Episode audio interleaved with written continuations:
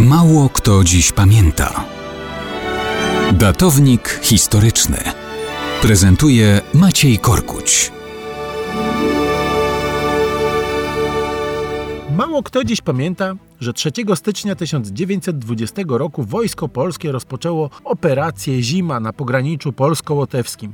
Chodziło o wyparcie całkowite z Łotwy bolszewików, a tym samym pomoc Łotyszom w obronie niepodległości i poprawienie sytuacji strategicznej wojska polskiego na ziemiach północno-wschodnich, utrudnionej dodatkowo przez antypolskie nastawienie Litwinów. Odpowiednie porozumienie władz Polski i Republiki Łotewskiej podpisano 30 grudnia 1919 roku. I oto 3 stycznia 1920 wojsko polskie pod dowództwem generała Rydza Śmigłego forsuje dźwinę i uderza na oddziały bolszewickie. Pada śnieg, jest minus 35 stopni Celsjusza. To ciężkie warunki do walki, ale znaczna pomoc w sforsowaniu wielkiej w tym miejscu jednak rzeki. Trzeba przyznać, że pod częścią artylerii, mimo tak niskich temperatur, i tak lud się załamał. Dzięki sprawnie przeprowadzonej operacji bolszewicy nie mieli szans na skuteczną odpowiedź i obronę Dyneburga. Wycofują się z miasta, który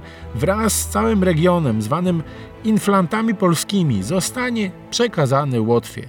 Piękne polskie zwycięstwo i piękny zaczyn przyjaźni polsko-łotewskiej w dwudziestoleciu międzywojennym. Jednak również zwycięstwa kosztują i warto, żebyśmy o tym pamiętali. W ubiegłym roku Instytut Pamięci Narodowej przeprowadził ekshumację i ponowny pogrzeb 17-letniego żołnierza Wojska Polskiego Bolesława Zmysło z Podolkusza. Umierał on bezpośrednio w czasie tamtych wydarzeń w Krasławiu pod Dyneburgiem. Był jednym z tych żołnierzy, którzy własnym życiem płacili za piękno hasła walki o wolność naszą i waszą.